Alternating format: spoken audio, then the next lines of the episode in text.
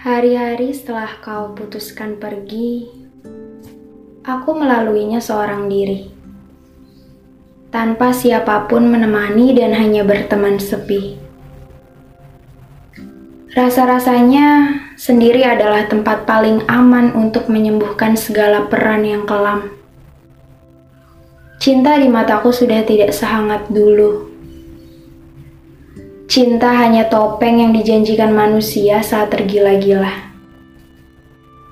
Setelah padam, cinta menjelma janji yang selamanya tidak akan ditepati. Pada masa-masa aku menikmati kesendirian, seseorang datang membawa segenggam binar emas dalam balutan harapan. Hadirnya yang sempat terabaikan itu ternyata membawa hangat saat aku terjebak pada dinginnya ruang sepi. Ia datang menawarkan semesta baru untuk dihuni bersama. Tidak ada yang benar-benar tahu kapan hati yang sempat mati terbuka lagi untuk orang yang berusaha memasuki. Dia hadir dalam kehancuran yang berusaha aku rapikan.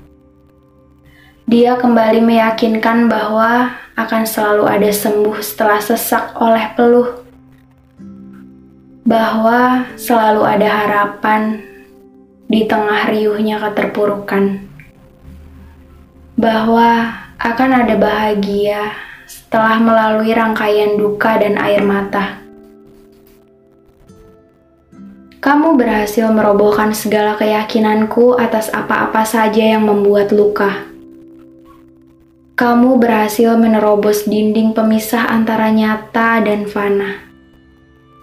Kamu rela menyeka air mata dan mendekap rasa yang seharusnya ada. Kamu akhirnya menjadi bagian dari hidupku yang sempat kelabu. Aku menikmati segala proses yang kita tempuh bersama. Aku menikmatinya dengan seksama dan penuh ketenangan sebab perasaan akan mudah menguap saat kita terlalu ekspresif sampai meluap-luap. Waktu membiarkan kita untuk selalu memeluk harapan agar apa yang terjadi tepat sesuai perkiraan.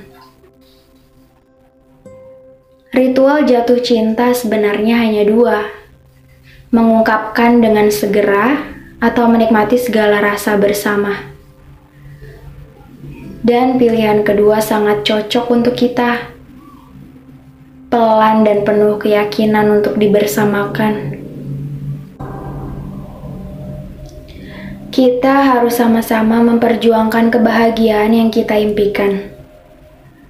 Menyematkan bersama-sama segala mantra yang dibungkus doa pada yang kuasa.